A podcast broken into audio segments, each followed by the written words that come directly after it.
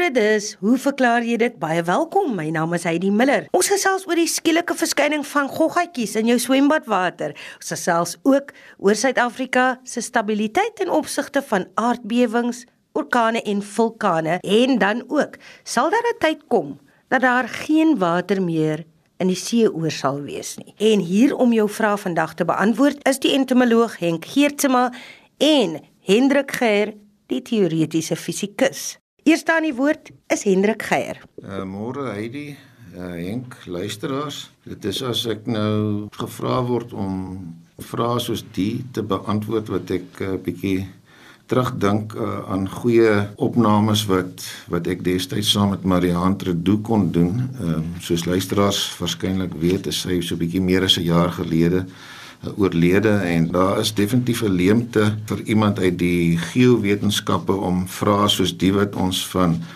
uh, Stefan Enrico en van uh, Roger Rothner uh, ontvange te beantwoord. So julle sal maar moet verlief neem met my tweedehandse uh, poging om op hierdie vrae te reageer. Uh, ek beslis nie 'n kenner op hierdie gebied nie, maar 'n mens kan daar 'n bietjie rondlees en en 'n uh, prentjie vorm van wat onderliggend is aan die aan die vrae wat hierdie twee luisteraars gestuur het. So net terug weer by Stefan se vraag.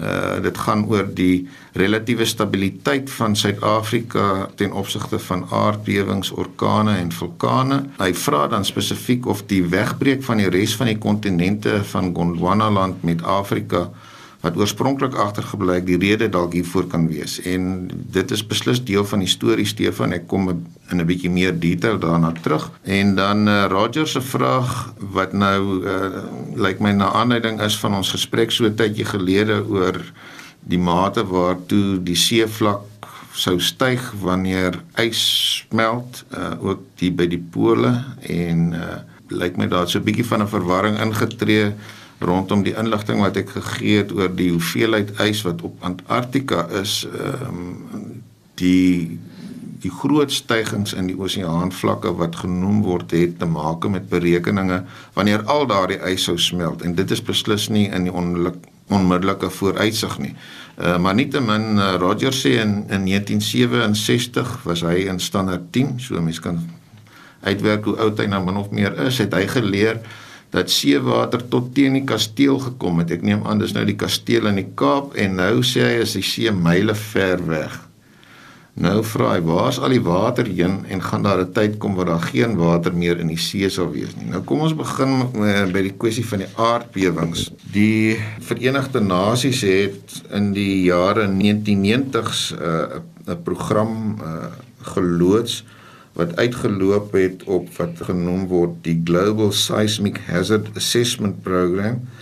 Uh en dit was 'n poging om die zones waar aardbewings by voorkeur uh, op die aardoppervlak uh waargeneem word uh noukeurig uit te stippel en om dit dan te gebruik om lande uh tot 'n groter mate te help voorberei wanneer sulke uh, situasies uh sou voorkom.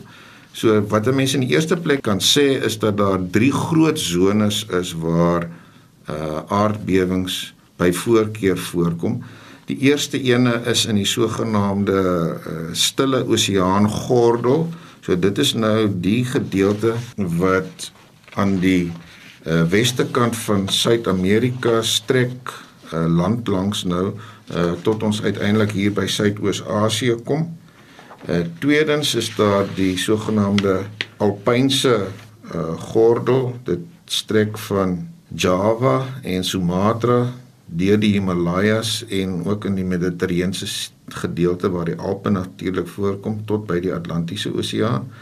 En dan is daar 'n derde gedeelte uh, waarvan die oorsaak vir die aardbewings anders is as in die eersgenoemde twee gevalle, naamlik in die sogenaamde Mid-Atlantiese Rif. Dit is 'n uh, ondergrondse rif wat onder andere onder IJsland deurloop en waar ons in die eerste twee gevalle uh die stille oseaan gordel wat terloops baie keer ook na verwys word in Engels as the ring of fire die vuurring In daardie gedeeltes het die aardbewings te maak inderdaad soos wat Stefan vermoed het, tektoniese plate wat teen mekaar gedruk word en daardie opwelling veroorsaak dan die verstoring in die aardoppervlak waardeur die vulkaniese uitbarsings en die aardbewings dan uh gebeur, maar in die geval van die Mid-Atlantiese rif is dit meer 'n geval van van 'n verwydering van twee tektoniese plate diep op die seebodem.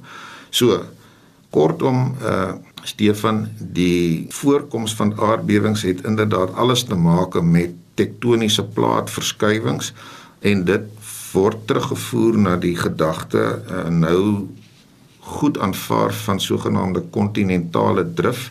Ek kan miskien hier net uh, geskiedkundig noem dat daardie gedagte vir die eerste keer deur Alfred Wegener, 'n Duitse uh, geoloog in 1912 geopper is. Uh, daar was besonder baie skeptisisme in sy tyd oor of, of hierdie idee hoegenaamd uh, kon hou.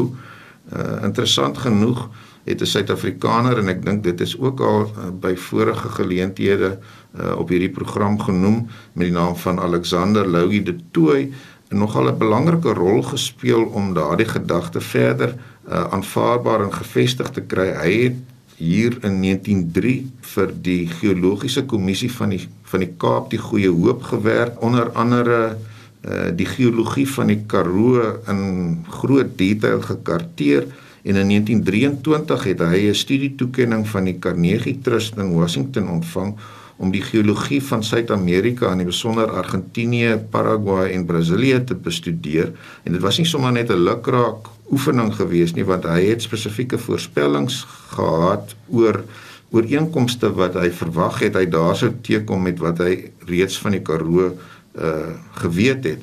En die die eindresultaat van die van hierdie ondersoek van hom was in 1937 publikasie met die titel Our Wandering Continents uh, wat eintlik 'n opvolgpublikasie was van Wegener se 1927 publikasie wat hy genoem het in Afrikaans vertaal die geologiese vergelyking van Suid-Amerika en Suid-Afrika. En uh, die toeise werk het hierdie werk van Wegener uitgebrei en uh, uitgebou en en hy kon dit met nuwe resultate ondersteun. So die gedagte van kontinentale drif het uiteindelik uh, meer aanvaarbaar geword as in die vroeë dae toe dit uh, as 'n moontlikheid geopper is en ek herinner my dat uh, Mariaan by geleentheid uh, die analogie gebruik het om te sê die tempo waarteen Afrika en Suid-Amerika uitmekaar beweeg is vergelykbaar met die tempo waarteen jou vinger of duimnaal groei. Ek weet nou nie meer of die vinger of die duimnaal die vinnigste groei nie, maar uh altyd groei maar relatief stadig en dit is hoe 'n mens kan dink aan die verwydering tussen die kontinente. So Die oorsprong van aardbewings is primêr kontinentale drif. Daar is natuurlik ander redes waarom die aardkors op plekke 'n bietjie meer poreus of onstabiel is en wat dan die bron kan wees van aardbewings met die tyd. Terloops die ek dink een so geval, almal sal dit onthou, was die aardbewing uh wat Tolbag, Ceres en omstreke uh, getref het en was dit 1969. Ehm um, terloops as 'n mens vra hoe hoe sterk hierdie aardbewings is, dan word 'n mens dikwels verwys na die sogenaamde Richterskaal. Dit is 'n uh, 'n manier van klassifikasie wat hier in die 1930s uh deur Richter uh voorgestel is en is skynbaar bruikbaar vir relatiewe klein aardbewings maar wanneer dit by groter aardbewings kom nie meer so bruikbaar nie so daar word nou 'n ander eenheid gebruik om om die intensiteit van aardbewings aan te dui in Afrikaans vertaal word daar verwys na die grootte van die moment of terwyl die energieoordrag wat tydens 'n aardbewing uh plaasvind. Dit is ook nie so 'n maklike analise nie want onthou daar's verskillende maniere waarop golwe deur die aardbewing uh, deur die aardkors voortgeplant laat word, die wat min of meer met die oppervlak langs gaan en die wat uh deur die binnedele van die aarde voortgeplant word maar nietemin hierdie skale uh, is mettertyd verfyn. Uh as 'n mens vra wat was die grootste aardbewing ooit dan uh, lees 'n mens dat dit in Chili was in 1960 die sogenaamde Valdivia uh aardbewing.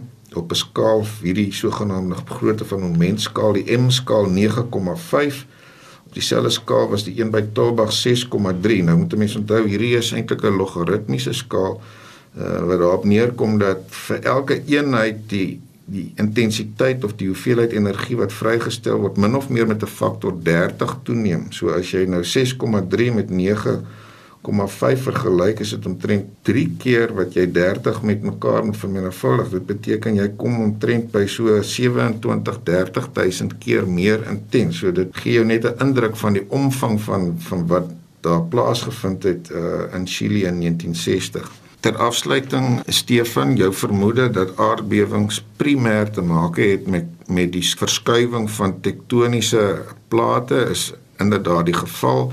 Uh, daar is drie groot verskuiwingsstrukture bekend wat vir die oorgrootste meerderheid van die aardbewings op aarde verantwoordelik is, soos ek genoem het, die een in die sogenaamde Stille Oseaan omtrek.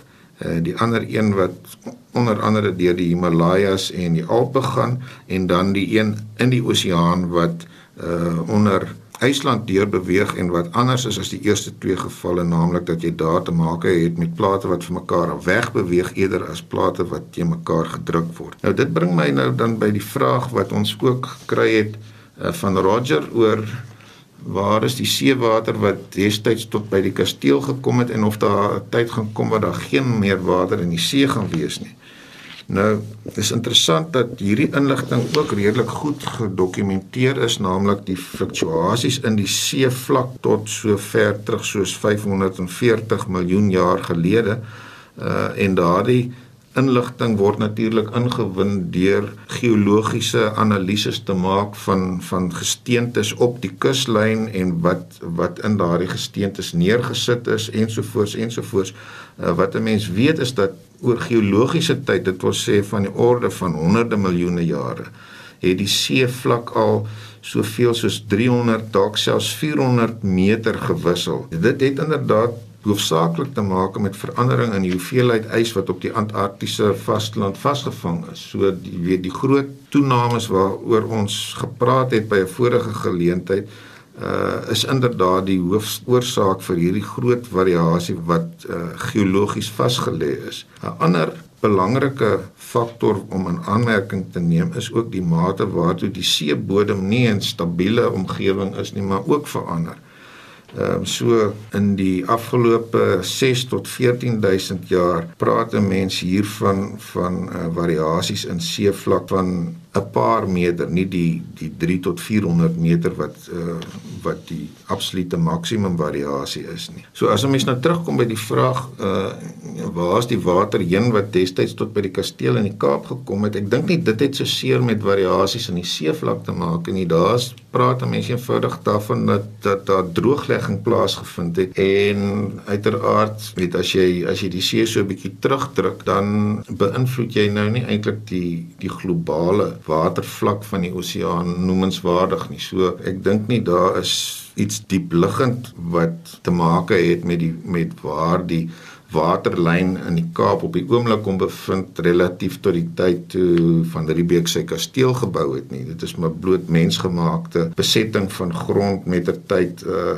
wat die waterlyn uh, bepaal het uh oor die vraag of die water totaal gaan verdwyn. Uh ek dink nie daar's 'n meganisme wat dit kan bewerkstellig nie anders as weer eens iets wat beslis nie in ons leeftyd gaan gebeur nie. Ons het al 'n slag daaroor gepraat. Uh ons son is 'n ster wat 'n sekere lewensiklus het en ons weet dat die, aan die einde van daai siklus gaan die son uh na mate hy sy brandstof begin verloor, gaan begin groter en groter word, 'n sogenaamde rooi reus en alle berekeninge dui daarop dat uh, daardie son gaan groei tot by die punt waar dit uiteindelik die aarde verswelg en verseker gaan daar dan nie meer water rond wees nie, maar voor daardie tyd uh, dink ek kan ons gerus wees dat die water in die oseaan se vlak miskien kan verander na mate uh, die algemene temperatuur of die gemiddelde aardtemperatuur uh, anders lyk as wat dit op die oomblik lyk en meer ys smelt. Maar uh waarmee ons kan werk is die is die geskiedkundige inligting dat daardie fluktuasie van die orde van 300 meter was, maar die see sal waarskynlik vir alle praktiese doeleindes uh, vir altyd daar wees. Hendrik, hier is dan eintlik 'n faseverandering van die vloeistoffase na die vaste fase. As ek my fisika een onthou. Jy praat nou van die water in die, die ys. Water, ja. Uh en dis dan die vaste fase van water. Dit is korrek, dit is trek dit dan uit. Inderdaad, so dit is dit is die die dinamika wat tussen ys en water plaasvind en dis alles 'n funksie van die van die heersende temperatuur. Ja. Ek wil net inkom. Ons praat hier van Suid-Amerika en Suid-Afrika. Uh die twee uh Suider-Afrika en Suid-Amerika beweeg weg van mekaar teen 1 cm per jaar. So as jy 'n reiskaartjie boek van Kaapstad na Rio de Janeiro, doen dit nou van môre is die trip langer. Maar die ding is wat interessant is in my geval, uh ek kyk na fossiele insekte. En uh as mense by Woester uh na fossiele soek, dan moet jy deur grondlaag gaan, jy kom by die sogenaamde Whitehill formasie. En dan is daar 'n klein swart laagie in die afsettings, sedimentêre afsettings. Nou die swart laagie is ook aanwesig in Suid-Amerika. So met ander woorde, jy weet wanneer jy in dieselfde tydsone, nou praat ons van 240 miljoen jaar gelede, soek jy nou insekte byvoorbeeld. En die interessante ding is die Karoo basin en die Parana basin in Suid-Amerika was op 'n tyd een binnelandse groot see. En mense kry dan hier by Woester kry 'n fossiel, 'n Notocaris, is een van 'n uh uh skulpdier of crustacea wat ook in Suid-Amerika voorkom. So dit gee vir jou 'n skakel en die insekte wat in Suid-Amerika in die Parana basis voorkom, skakel intens met die wat ons in die Karoo se fossiele vind. So leer ek elke dag. Baie dankie vir daai verduideliking. Ons het pas gesels met Hendrik Geier. Volgende aan die beurt is Henk Geertsma. Dag luisteraars en kollegas en Heidi. Uh, ek het 'n kort briefie van Dani Kreur gekry. Hy sê ongelukkig nie waarvandaan hy kom nie, maar ons aanvaar maar iewers in die land. Hy sê ek sal graag by die span die volgende wil weet. Wanneer my swembad se water begin afgaan, met ander woorde die kloor in die water begin verdamp, kom daar uit die bloute goggaatjies. En dan sê die een is die wat op die water rondroei Ons noem hulle roeiertjies en die ander een is wat onder die water rondskarrel. Ons noem hulle waterluise. Nou waterluise is natuurlik 'n heel ander groep. Dis nie noodwendig insekte nie, maar is ook arthropoda. Maar sy vraag is, hoe kom hulle in die swembad? Is hulle een van 'n stadium van 'n insek se lewenskringloop? Dan moes die insek tog seker 'n eier gelê het in die water. Nou ja, kom ons kyk. Hoe kom hulle in die swembad? Jy weet baie insekte is met die maan geplaag. Wat mense nie besef nie, die insekte wat jy bedag sien, is maar 'n fraksie van die insekte wat nagaktief is. En in die dag oriënteer insekte wanneer hulle beweeg op die son. Met ander woorde, die son is hulle baken, hulle kompas as dit ware. Baie nagvliegende insekte gebruik die maan of sterre. Klink baie interessant. Nou, die ding is bo swembad, uh word die lig van die maan of van die sterre weerkaats. En 'n insek wat dan oor die swembad vlieg, interpreteer dit as 'n bron van lig en hulle raak verward en hulle val in die water in. Hulle is met die maan geplaas, as dit ware. Dan is hulle een van 'n stadium van insek se lewenskringloop. Nou, ek het al verduidelik dat daar's verskillende insekkringlope. Jy kry die een van die vismot wat net 'n groei stadium is, van die kleintjie word net groter en lyk al meer en meer soos sy pa en sy ma. Dan kry mens die stinkbesie waar daar nie 'n papie aanwesig is nie, waar jy 'n nimf stadium het, die volwassene, die nimf en die eier en dan kry jy die soos by skoenlappers of perdebye die volkomme gedaanteverwisseling waar dan die eier, larwe of maier, papie, volwassene insluit. Nou vra is hulle een van 'n stadium van 'n insek se lewenskringloop? Ja. Hulle kan vlieg. Met ander woorde, hulle is almal volwasse of dit nou 'n stinkbesie is of 'n kewertjie of 'n mooitjie, is in die volwasse stadium. Want dan sê dan moes hulle insek tog seker 'n eier gelê het in die water. Daar's geen rede waarom enige insek 'n eier sal lê in 'n swembad, want daar's geen voedingsbron hoegenaamd in die water nie veral as dit nou uh met chemikalieë begine behandel word en so aan. Maar nou gebruik hy 'n paar interessante name, die rooiertjies en waterluise en so aan. Nou Eintlik, hy het nou nie vir my die insekte gestuur nie, maar dit kan of 'n groep stinkbesies wees of 'n groep kewers. Die mense kry die sogenaamde waterskaatsers. Die Latynse naam is Geridae. Nou hulle kan redelik groot wees tot 2 uh, cm lank en waar die naam waterskaatser vandaan kom, hulle het baie lang pote. So hulle beweeg op die oppervlakte van die water op 'n sekere hoogte. Nou, hulle tarsie of kom ons sê in boerenaam, hulle voetjies het onder is hulle behaard en die hare skei olie af. Met ander woorde, hulle dryf eintlik op 'n oliekussentjie op die wateroppervlakte.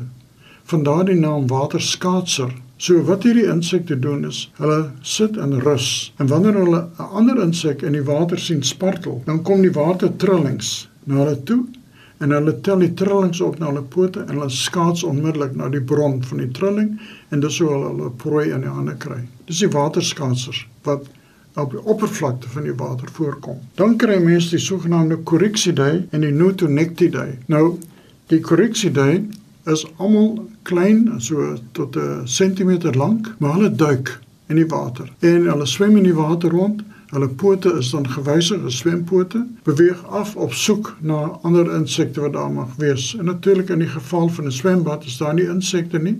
So Hulle gaan 'n bietjie rondskarrel en rondswem, maar hulle het ook die vermoë om uit die water uit te spring en dan weg te vlieg. Dan kry jy mens dan die Naucuridae. Dit is 'n soortgelyke groepie stinkbesies ook in die water. Hulle doen dieselfde, maar hulle is die amper sê klein varkies. As jy in 'n swembad is en hulle is aanwesig, veral in 'n rivierpoel of 'n poel, dan word jy baie keer gebyt en dis hulle. So dis 'n stinkbesie wat jou byt.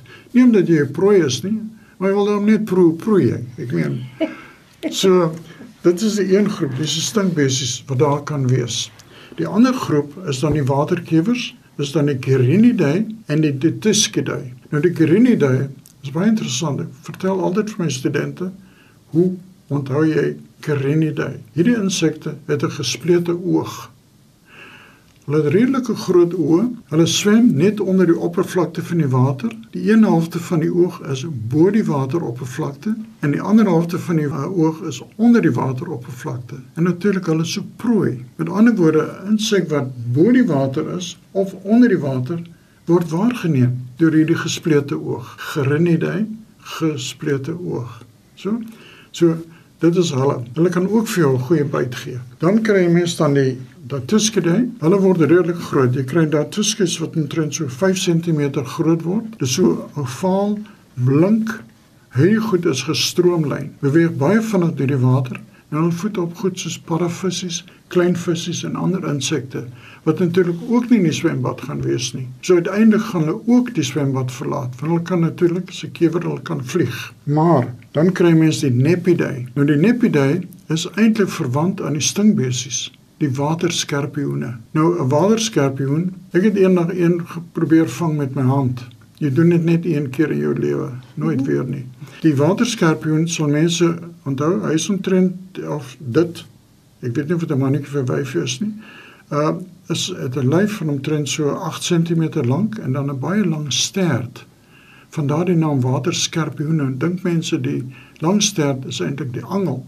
Nee, Dit is 'n asemhalingbuis. Die waterskerpioen hang skuins in die water met die waterbuisie wat nou lug asemhaal en met die gryppote en met 'n baie skerp bek hang hulle net en wag vir 'n visie of 'n ding verby geswem te kry en dan vang hulle die prooi op die manier.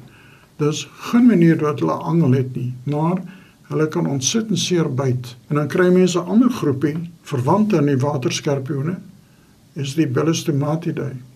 Dit word gebruik as 'n lekkerny in Asiatiese lande. Dit word gebraai. Dit het skynbaar so 'n soort van 'n amandel of uh smaak. Die ding. Hulle is redelik groot. Hulle word tot 12 cm lank. Hulle word na lig aangelok. Soos luisteraars weet, vang ek motte op lig, dan kom hulle. En as ek hierdie ding sien van my ek om, want hy het so 'n nare reuk as jy hierdie insek raak want hy het 'n nare reuk as 'n beskermingsmateriaal omdat hy lekker groot is is dit prooi vir uile en so aan hulle los hierdie nou uit want hy dit werklik Ek gebruik nooit die woord stink nie, hy het net 'n nare reuk. En as jy die ding met die hand hanteer, dan klou dit soos 'n parfuum aan jou. En weer eens, hierdie een kan ook vir jou baie seer byt. En die probleem is hulle pote is redelik sterk. So as jy dit ding het met die hand, dan klou hulle vas in jou hand en jy sukkel om die ding weg te kry van jou. Want hy hou.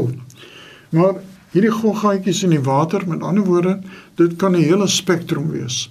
Maar hulle gaan nie lank in 'n swembad wees nie, want so gou jy weer 'n bietjie kloor-aanvulling doen, kloor is 'n insektemiddel, is 'n uh, wegjaagmiddel en dan sal hulle die swembad verlaat. Ek dink nou krimpvarkies, die penne kom uit wanneer hulle bedreiging sien. Nou dieselfde met die stank of soos jy sê die nare reuk. Nou wat van eile wat dit dan eet, word hulle nie afgesit deur hy reuk nie. Ja, roofdiere wat normaalweg ander insekte sal aanval, mm. soos uh sperwers en die tipe goed, sal nie vat aan hierdie Pelostomatiid insekte nie, stingbesies nie. So hulle ken hulle entomologie baie goed. Hulle weet vir my hierdie ene. Baie dankie aan ons gaste vir vandag se program. Ons het gesels met Hendrik Geier en Henk Geertsma. Geniet jou Sondag verder.